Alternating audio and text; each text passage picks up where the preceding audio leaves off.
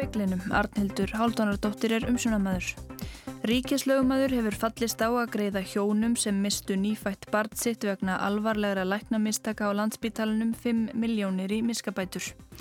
Ebling vill að laun hækki meira en samið var um í lífskjærasamningnum í vor. Krafa er gerðum breytingar á starfsmati sem gæti fært þeim með lægstu launin yfir 50.000 krónar launahækkun.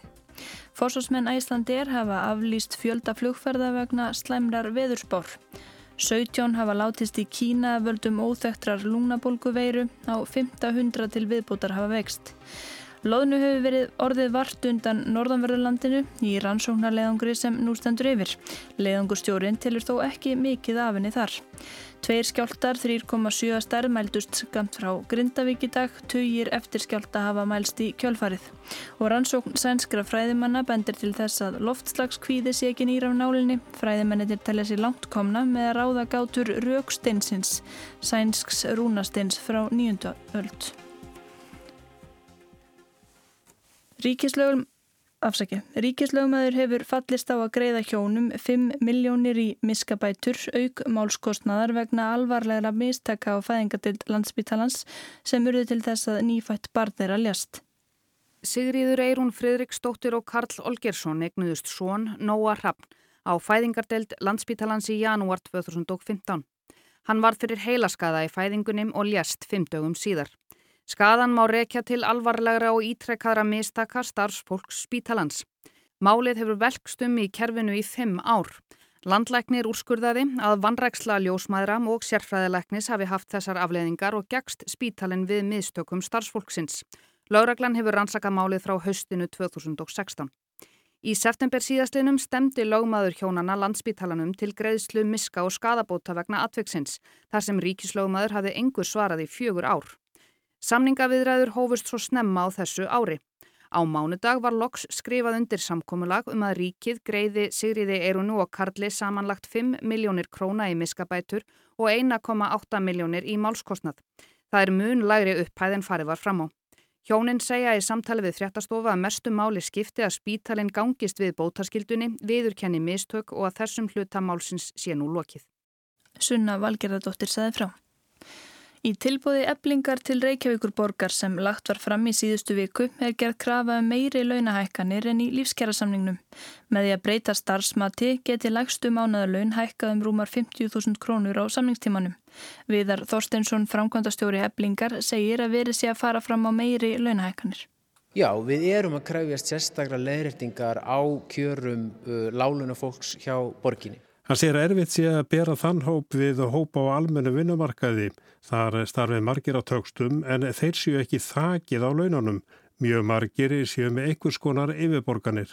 En starfsfólk sveitafélag er allt, allt annari stöðu. Það verður engar leiðir til þess að það getur ekki farið í, í, hérna, í launaviðtal og, og komið með eitthvað raukstuðningum sína, sína persónulegu færni eða hæfni eða eitthvað slíkt til að, að fá launahækkun og ennfremur bendum við á það að hjá Reykjavíkuborg erum við með gríðarstóran hóp, þúsund manns sem að vinna á stopnunum þar sem að tilhauðin vinnunar einfallega er þannig að þú hefur engan aðgang að yfirvinnu og þú hefur engan aðgang að vaktavinnu og þetta er leikskólafólki okkar. Nánar er rætt við viðar síðar í speklinum. Forsvarsmenn Æslandir hafa aflýst 24 flugferðum á morgun og senkað brottfur frá bandaríkunum til Íslands í kvöld vegna slæmrar veðurspár. Útlitt er fyrir suðvestan hríð á stórum hlutalandsins frá því sent í kvöld og langt fram eftir morgundeginu. Gul viðvörun er í gildi á nær öllu vestanverðurlandinu og hálendinu. Heilbriðis yfirvöld í Peking grindu frá því í dag að 17 væru látin að völdum koronaveiru sem veldur alvarlegri bráðri lúnabólgu. Gripið hefur verið til varúðar ástafana í Kína vegna mörg hundruð miljóna landsmanna sem ætla að fagna áramótunum framundan á heimaslóðum. Upprunni veirunar er rækinn til fiskmarkas í Wuhan, höfuðborg Hubei hér að síknið hluta Kína. Hilbriðis yfirvöld þar sagðu í dag að 444 hefðu vext af völdum hennar, þar á meðal 15 læknar og hjógrunarfræðingar. Óttast er að veiran kunni að stökkbreytast og breyðast út með mun meiri hraða en hingað til. Sérfræðingateimi alþjóða helbriðistofnunarinnar hefur verið kallað saman til að fara yfir stöðuna. Kynverja reyna hvað þeir gera til að koma í vekk fyrir að veiran breyðist út. Það er erfiðleikum bundið þar sem mesti ferðatími ársins er hafinn í þessu fjölmennasta ríki veraldar. Hundruð miljóna er á faraldsfæti með flugvélum, lestum og öðrum farartækjum til að fagna áramótunum sem framundan eru með ættingum í sinni heima byggð. Á þeim sökum á sjá mun fleiri en alla jafna með andlit skrýmur á flugvöllum, lestarstöðvum og víðar. Veran hefur fundist í veiku fólki víðar enn í Kína. Staðfest tilfelli eru í Tælandi, Japan, Tævan, Suður Kóriu, Maká og Bandaríkjónum. Í Breitlandi hefur eftirrit verið fyrirskipað með flugfarþegum sem koma þanga til lands frá Wuhan. Áskir Tómarsson saði frá. Vart hefur orðið loðnu undan norðanverðu landinu í rannsóknarleðungri sem nú stendur yfir. Leðungurstjórin tilur þó ekki sé mikið af henni þar. Veður hefur trublað leitina. Frá því rannsóknarskipið Árni Fridriksson og fjögur uppsjáarskip heldu til loðnunleitar fyrir viku hefur verið leita frá Suðausturlandi, norðum með östfjörðum og vestur að kögurgrunni úti að vestfjörðum. Birkir Barðarsson er leiðangustjóri.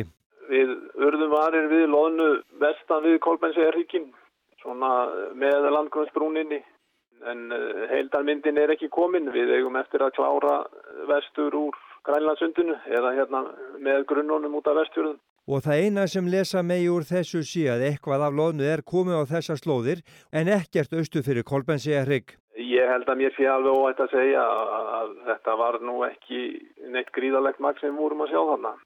Er vontilis að þú sjáur eitthvað meira vestar?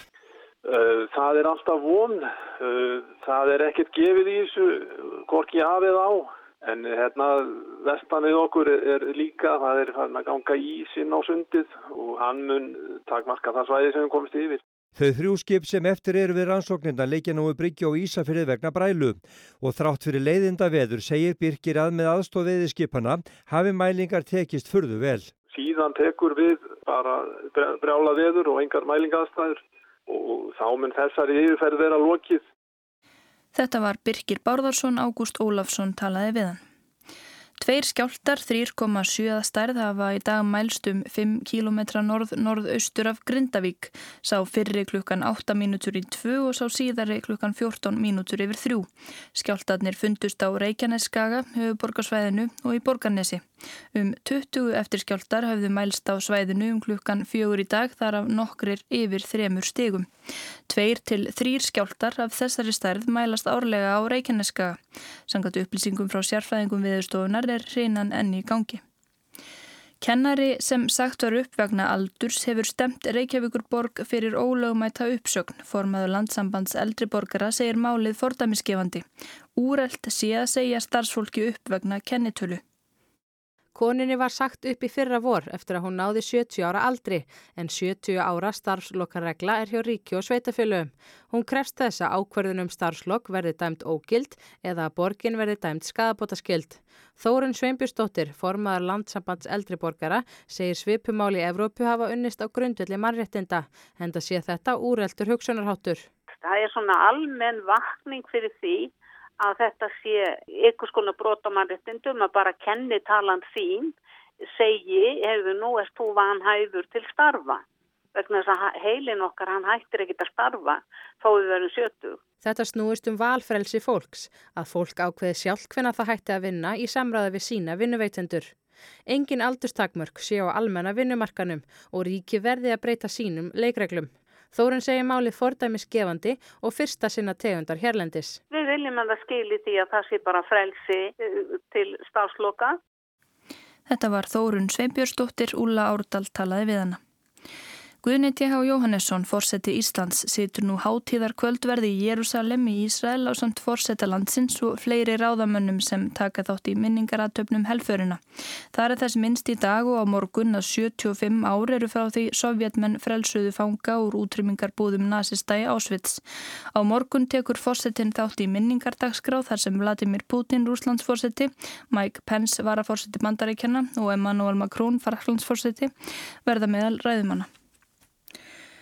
Ákveði hefur verið að hætta formlæri leit að rýmu grunnskíti Felixastóttur sem leitað hefur verið að frá því á Þorlásmessu. Lögreglann á Suðurlandi og svæðistjórn Björgunarsveita ákveðu þetta á fundi í gerðkvöldi. Rýma er talin hafa fallið í sjó af dýrhólaegi þann 20. desember og látist við það. Leitað henni hefur ekki búrið árangur. Bæði hafa stórir hópar Björgunarsveitamanna leitað hennar formlega og einni minni hópar sem fylst hafa með rekja og fjörur á líklegum stöðum. Lauraglann segir að þeirri óformlegu leit verði áfram sint eftir því sem aðstæður gefið tilefni til hverju sinni.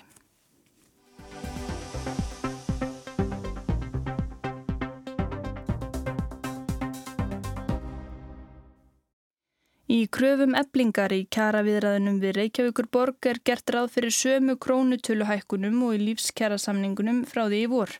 Að auki er krafa um breytingar á starfsmati sem gæti skila þeim sem er á lægstu laununum rúmlega 50.000 krónum á samningstímanum. Óvíst er hvenar næsti sáttafundur verður. Nýr aðstóðar sáttasamiri hefur tekið að sér að stjórna fundum í kjaradeilu Reykjavíkuborgar og eblingar eftir að annar aðstóðar sáttasamiri sagði sig frá verkinu í síðustu viku. Sæti borgarstjóra var aukt á fundi sem samningarnemnd eblingar emdi til í inn og í dag. Það kom ekki ávart því hann hafði ábóða komu sína. Tilbóð eblingar sem lagt var fram á sáttafund á fymtudaginn var kynnt á fundunum. Þar kemur fram eins og Solveig Anna Jónsdóttir saði í speiklunum í gæra það byggist á lífskjara samningnum. Sömu krónutöluhækkanir og þar eða 90.000 krónahækkun á takstalögn á samningstímanum. Lengra nær samabörðurinn við lífskjærasamningin ekki hvað varðar krónur og öyra. Gertir áð fyrir að desember uppbútin verði komin í loka samning seði í byrjun 2022 í rúmar 380.000 krónur og að orlofs uppbútin verði helmingur af desember uppbútinni eða 190.000 í lok samnings. En veigamikill þáttur í tilbóði eblingar er það sem kallað er leiðrétting á stöðu lálauna fólks. Lagt er til að svo leiðrétting náist fram með því að breyta svo kallari tengireglu starfsmats. En hvað felast mikla launahækkanir í kröfunum um breytingar á starfsmatinum? Viðar Þorsteinsson, frangværtastjóri eblingar, kynnti tilbúið á fundunum í dag. Okkur telst til að þessi hækkun samkvæmt tilbúinu sem við gerum myndi þýða á samningstímanum samtals 50.000 krónar hækkun mest fyrir þá sem eru á legstu tökstum hjá Reykjavíkuborg og samtals rúmlega 20.000 fyrir þá sem eru, sem eru þarna eh, efst í virkum launaflokkum eblingar. Og, uh, og það er nú allt og sumt og eins og við fórum hér í gegnum í dag þá eru þessar hækkanir sko það, það er frálegt að halda því fram að það er síðan eitthvað sem munir sprengja vinnumarkaðinni í loftu upp eða eitthvað slík bæði vegna þess að það eru tiltölulega hóflegar yfir langt tímabil en sérilega vegna þess að það er ná eingöngu og sérstaklega til hérna allra lagstu launa og eru þar að leiðandi E, styrking á hugmyndafræði lífskjærasamlingsins um það að, að markmið okkar sé það að reyna að hækka e, lagstu laun umfram önnur laun og hér er ekki um að ræða einhverja viðbútar krónutöluhækkun sem fari upp allan launastegan og, og hvað þá prósenduhækkanir. Krafa um breytingar á starfsmættinu hefur áhrif á laun undir réttæflega 446.000 króna mánaðalaunum. Mest getur hækkunin verið á lægstu launin er umlega 52.000 Þetta rýmar við útreikninga Reykjavíkuborgarum með meðal laun lægstu launa. Í lífskjærasamningnum eru þau 368.000 í loku samningstímans. Í nýgerðu samningi átján félagi í starfskriðarsambandin er þessi tala rétt rómlega 400.000 og sömulegis í því tilbúði sem Reykjavíkuborg hefur lagt fram. Hins vegar er þessi meðalunatala í tilbúðu eblingar rúmlega 450.000 krónur eða rúmlega 12% herri en starfskriðarsambandi samt um. Þetta þýðra ebling er að fara fram á meiri hækkanir en aðreir hópar. Já, við erum að kræfjast sérstaklega leðrættingar á kjörum uh, láluna fólks hjá borginni og, og, og það er að mörgu leiti erfitt að bera það saman við almenna vinnumarka en þó má reyna á almennu vinnumarkaði er það þannig að jú, margir vinna á tökstum en takstanir eru ekki þakið í laununuðinum. Mjög margir, jafnvel þeir sem vinna í eh, lagslönu störfunum og almennu vinnumarkaði, til dæmis eins og við þekkjum hjá eh, bara á hótelum og bílstjórum og fleirum, eh, eru yfirleitt með einhvers konar yfirborganir á einhverju formi. Það geta verið bónusar, það getur verið bara launakjör sem samið er um í launaviðtali eða eitthvað slíkt og þannig að það, já, almennu vinnumarkaði eru svona áhrif af almennu launaskriði merkjanleg og einstaklingur getur fundið það, hann þarf ekki endilega að treysta á takstan en starfsfólk sveitafélag er í allt, allt annari stöðu. Það verður eh, engar leiðir til þess að það getur ekki farið í, í, hérna, í launaviðtal og, og komið með einhvern raukstuðning um sína, sína persónulegu færni eða hefni eða eitthvað slíkt til að, að fá launahækkun og ennfremur bendum við á það að hjá Reykjavíkuborg eru við með gríðar stóran hóp, þúsund manns sem að vinna á stopnunum þar sem að tilhauðin vinnunar einfallega er þannig að þú hefur engan aðgang að yfirvinnu og þú hefur engan aðgang að vaktavinnu. Og þetta er leikskólafólki okkar Elum álsins samkvæmt starfa eru leikskólareknir á dagvinni tíma. Og eins og við þekkjum að það náttúrulega miða við þau lágu og lélegu kjör sem bjóðast fyrir láluna fólki á Íslandi þá er, er það yfirvinnan og vaktavinnan sem að mjög oft gerir, það, gerir þér kleift að lifa og gerir það verkam og þú ert að fara með eitthvað aðeins meira heldur en uh, hérna, uh, það sem er, er hérna það sem stendur í, í kjærasamlingum sko.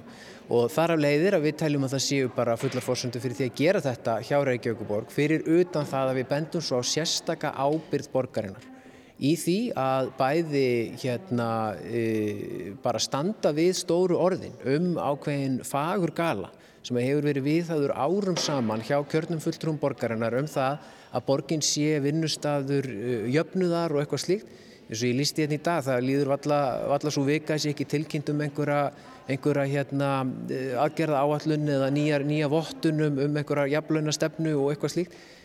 Sko láluna konur hjá borginni hafa ekki orðið varar við þetta. Það hafa ekki séð þetta í sínum launatjekka og fyrir svo utan það eins og við fórum hérna rækilega yfir á, á kynningun í dag sko álægið á þessu starfsfólki og ábyrðin sem að það þarf að taka á sig vegna bara kreppunar sem að ríkir í lálunastörum hjá borginni er þannig að ég, ég get ekki séð annað en að það sé heilbrið skinnsemi að uh, koma til móts við það, það, koma til móts við það uh, með því að, að bæta úr kjörnum vegna þess að hvernig ætlar borgin annars að manna þessi störf?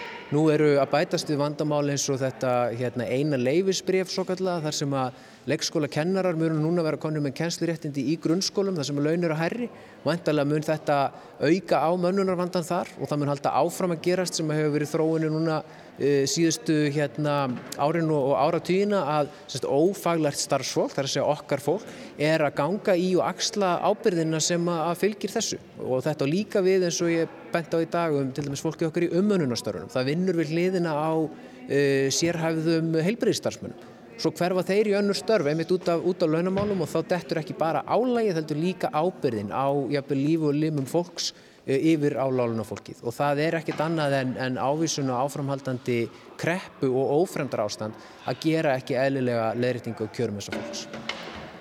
Þú segir að, að það sé blábilja að þetta sprengi upp launamarkaðin ef þessar kröfur ná fram að ganga. En hvað um aðra leikskóla starfsmenn hjá öðrum sveitarfélögum því eftir að semja við Kóp og Seltjörðunes og e, Mosfellsbæ hver að gerði að gerði sömu kröfu þar og munið ekki hafa áhrif annar staðar? Það er nýbúið að semja við leikskóla starfsmenn e, í gegnum e, starfsfélagsambandi er ekki líklegt að sittu það eftir með sárt enni að fá ekki sömu hækkanir á því Já, það er nú ekki búið að samþykja sagt, í atkvæðgræslu félagsmanna þá samningar sem að gerður voru á vegum starfsgrænsambandsins, svo það er kannski ekki alveg útsíðan það En ég, meina, ég held að það er einhverjum að diljast það að afstæða okkar í eblingu er svo að þó svo að það hafi náðst, skulum við segja, bærilegur kjærasamningur á almennu vinnumarkaði hérna fyrir tæp ári síðan, þá litum við á þann samning sem vopnarhlis línu. Það er orðalagi sem að formaður eblingar notaði um þann samning og við eigum augljóslega mjög langt í land en þá í því að tryggja nægilegan uh, jöfnuð í samfélaginu og umfram allt að tryggja það að fólk á lagstu launum geti lifað af sínum launum og ég eh, bara enduróma afstöðu samninganemdarinnar hérna hjá okkur að eh, hún lítur svo á að hún hafi óskorað umboð og leifi og heimild til þess að eh, nýta sér allar þær heimildir sem hún hefur samkvæmt lögum um, um hérna, stjættarfjölu og vinnudölur til þess að beita þeim þrýstingi sem hún getur til þess að, að lifta sínum kjörum. Og ég segja á meðan að fólk getur ekki lifað launum sínum og meðan baráttan snýst um það þá er það eitthvað sem hefur fullt réttmæti. En eins og fyrir saði mætti dagur borgarstjóri ekki á fundin. Þér ber einfallega skilda til þess að sjá okkur og heyra og við hvetjum þig af öllu hjarta til þess að axla þessa ábyrg og til þess að mæta okkur eins og áður sagði með sangirnina og réttlætið að leiðarljósi. Takk hérlega fyrir.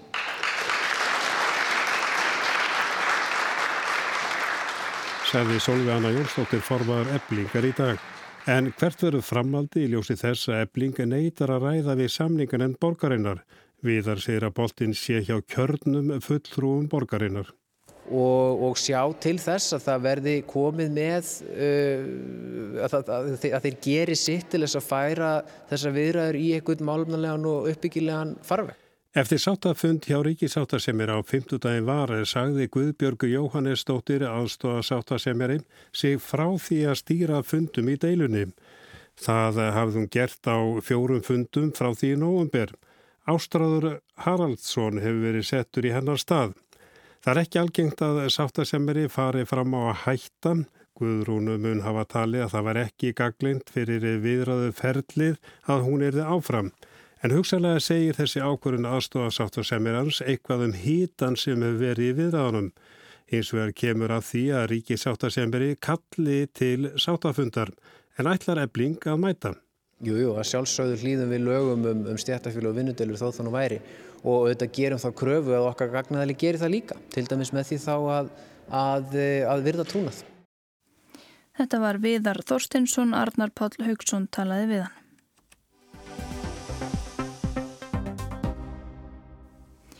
Rannsókn sænskra fræðimanna bendir til þess að loftslags kvíði sé ekki nýr af nálinni. Fræðimennir telja sig langt komna með að ráða gátur rauksteinsins sænsks rúnasteins frá nýjundu öld. Gáturnar sem ristar eru á steinin eru nýju og að mati rannsakanda er svarið við flestum þeirra það sama.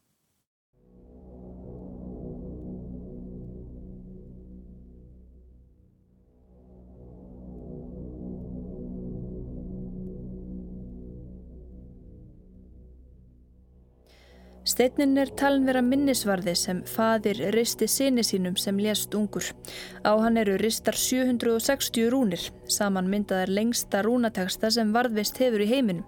Steinin er fjögur að metra hár, hann er úr ljósgráu graníti og stendur á bökkum stöðvarsins tókarn í austur Gótlandi, sunnulegi Svíþjóð. Á þeim slóðum hafa fundist margir forni rúnasteinar. Á miðöldum stóð þarna kirkja og rauksteinnin var framann af hluti af vegg tíundarhús kirkjunar en í tíundarhúsinu fór fram skattheimta. Það kom ekki ljós fyrir ná 19. öld þegar kirkjuhúsin voru rifin að rúnirnar þögtu allar hliðar steinsins. Tekstinn á steininum samanstendur af nýju gátum, eða svo er talið. Árhundruðum saman hefur fólk reynd að ráða þær en það hefur sóst ítla. Rúnirnar eru óvenju torskildar úr bæði eldra stafrófi og yngra og inn á mill eru óþægt tákn. Þá er hluti rúnan á horfin eða máður til að hægt sig að lesa. Raunar er ekkit vist að samtíma menn reytarhans hafi skilið hvað stóð á steininum. Tekstin er allsettur gátum, ljóðrætna og köplum og virðist eiga að vera torráðin. Aft vamóð standa rúnar þar, en varinn faði, faðir, aft fægjan sunu. Sagum mokk menni þatt, hverjar valrávar varinn tvar þar, svað tvalv sínum varinn numnar att valráfu baðar saman að ímissum mannum. Báðar saman af ymsum mönnum. Já, tekstin er á forn norrænu og við skiljum hann kannski betur en svíjarnir. Í tekstanum eru vísanir í norræna goðafræði og satt frá höfðingum og bardugum fyrri tíma. Það er meðal hann satt frá þjóðuríki hinnum mikla og minnst á Guðin Þór. Hinga til hafa ymsar kenningar verið ráðandi um hvað höfundi gekk til. Svo sem að þetta sé einfallega frásögn af bardugum, að þarna séu fyrirmæli um að hefna skuli sonarinn sem dó, eða þetta séu allt vísanir í Ragnarsögu loðbrókar. Svo tilgáta sem kemst næst því sem að vísindamenn hallast núað er svo að á steininum velti höfundur sér upp úr tilvistarspurningum sem tengist lífi samtímafólks hans á austur Góðlandi. Tekstin skiptist í þrjá hluta og er talin innihalda nýju gátur. Nýlega löðust sérfræðingar við þrjá sænska háskóla yfir gáturnar. Í hópnum voru forlegafræðingar, rúnafræðingar og sérfræðingar í trúabræðasögu. Þeir hafa nú sett fram nýja tilgátu um hvaða skilabóðum höfundur vildi koma á framfæri. Fjallaður um rannsóknir þeirra á VF Sænska Ríkisútarsins SFT og í breska blaðinu Guardian. Per Holmberg, professor í sænsku við Gautaborgar Háskóla, leti vinnu teimisins.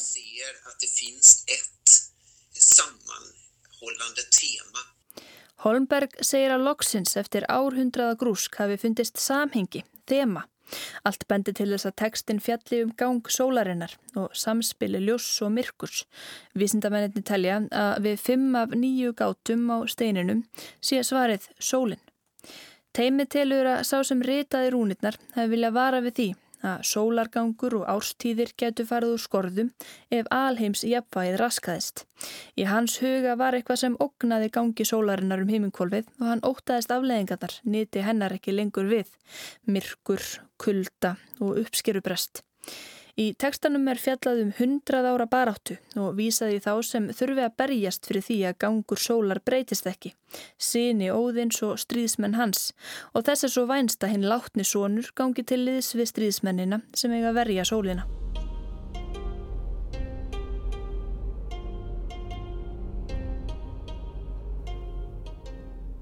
Teimið sem rýndi í rúnirnar á sænska rauksteininum spyr sig hvort sá sem risti þær hafi verið að vara við loftslagshamförum sambærilegum þeim sem að gengu yfir 300 árum fyrr. Á sjöttu öld gengu miklar hamfarir yfir Skandinavíu árið 536 nánar tiltökið. Nýlegar forleifaransóknir benda til þess að það hafi snögg kólnað. Umskiptin eru rakinn til eldgosa annar staðar í heiminu. Askan sem barst upp í lofttjúpin skigði á sólu og uppskera brást nokkur sumur í röð. Það er að helmingur íbúa Skandinavíu hafi látist. Heilu landsvæðin fór í eyði, fólk hætti að byggja hús, það jarðaði ekki ástvinni sína og margra alda þekking á bæði gull og jártsmíði glataðist. Forlega fræðingar segja lífið í Skandinavíu hafi ekki komist í samt horf fyrir en hundrað árum síðar. Nýlega fóru vísindamenn að tengja þessar hamfærir á sjöttuöld norrænum góðsögnum um fimbulvetur, þryggja ára samfeldan vetur sem er talin vera undanfari ragnarraka, heimsendis. Þeir komist að raunum að fimbulvetur hefði ekki verið neinn góðsögn. Fjalla var um þetta í speklinum í byrjun januar. Vísindamennir sem rannsaka rauksteinin telja sögurnar af þessum hamfaratímum hafi gengið kynnslóð fram að kynnslóð í 300 ár og þannig byrjun nýjundu aldar hafi maðurinn sem syrðir svonsinn reynd að setja dauðans í stærra samhengi. Kanski taldi hann andlátt hans til mark sem að fimpul vetur væri á leiðinni, að jafnvæginu hefði verið raskað. Í rannsókninni er líka minnst á hamfarir sem gengu yfir á líftíma þessa manns sem að risti rúnirnar á rauksteinin. Öflugur sólstormur gerði það verkum að heiminin varða á tímum rauðleitur, kallt sumar leiti til uppskýrubrests og sólmyrkvi varðinu skömmu eftir sólaruppbrás. Allt hefur þetta ítt undir áhyggjur af því að annar fimpulvetur skelli á, saði Bó Greslund, forlega fræðingurinn sem nýlega komst að þeirri niðurstöðu að fimpulvetur hefði ekki verið einn góðsokn. Fræðmennindir telja að við fimm af gátunum nýju sé sólinn svarið Einn gátan vísar til sonarins sem var látin en er nú aftur lífs og það síðustu til óðins og stríðsmanna hans. Per Holmberg sem leiti vinnu vísindamannina vill ekki slá neinu föstu. Hann segir að vísindamennir í teiminu séu enn óvissir um margt og að vonandi verði hægt að setja fram fleiri tólkanir. Þeim finnist þeir þó vera komnir á sporið. Kanski ótaðist sá sem risti Rúna Romsuna lungu í rauksteinin á nýjundöld annan fimpulvetur. Í dag vekja loftslags hamfarir af mannavöldum uggi í brjóstum margra. Framtíðin er óviss og mannkynnið virðist vera í ákveðinni tilvistarkreppu. Fyrir svo greinar á vef Breska ríkisútasins BBC ber tíðarandanum vitni. Er ránt að vera vongóður á tímum lofslagsvár. Umfjöllunin er liður í greinaflokki þar sem fjallaðar um þær tilfinningar sem bærast innra með fólki á tímum lofslagsbreytinga. Lofslagskvíði er kannski ekkert nýraf nálinni. Í stað þess að högva hugleðingarnar í stein eins og á nýjundöld eru lýsingar á tilfinningum gagvart yfirvofandi loftslagshörmungum, vistaðar í gagnageimslum og aðgengilegar á vefsíðum. Spurning hvort þær verða enn aðgengilegar eftir 1200 ár.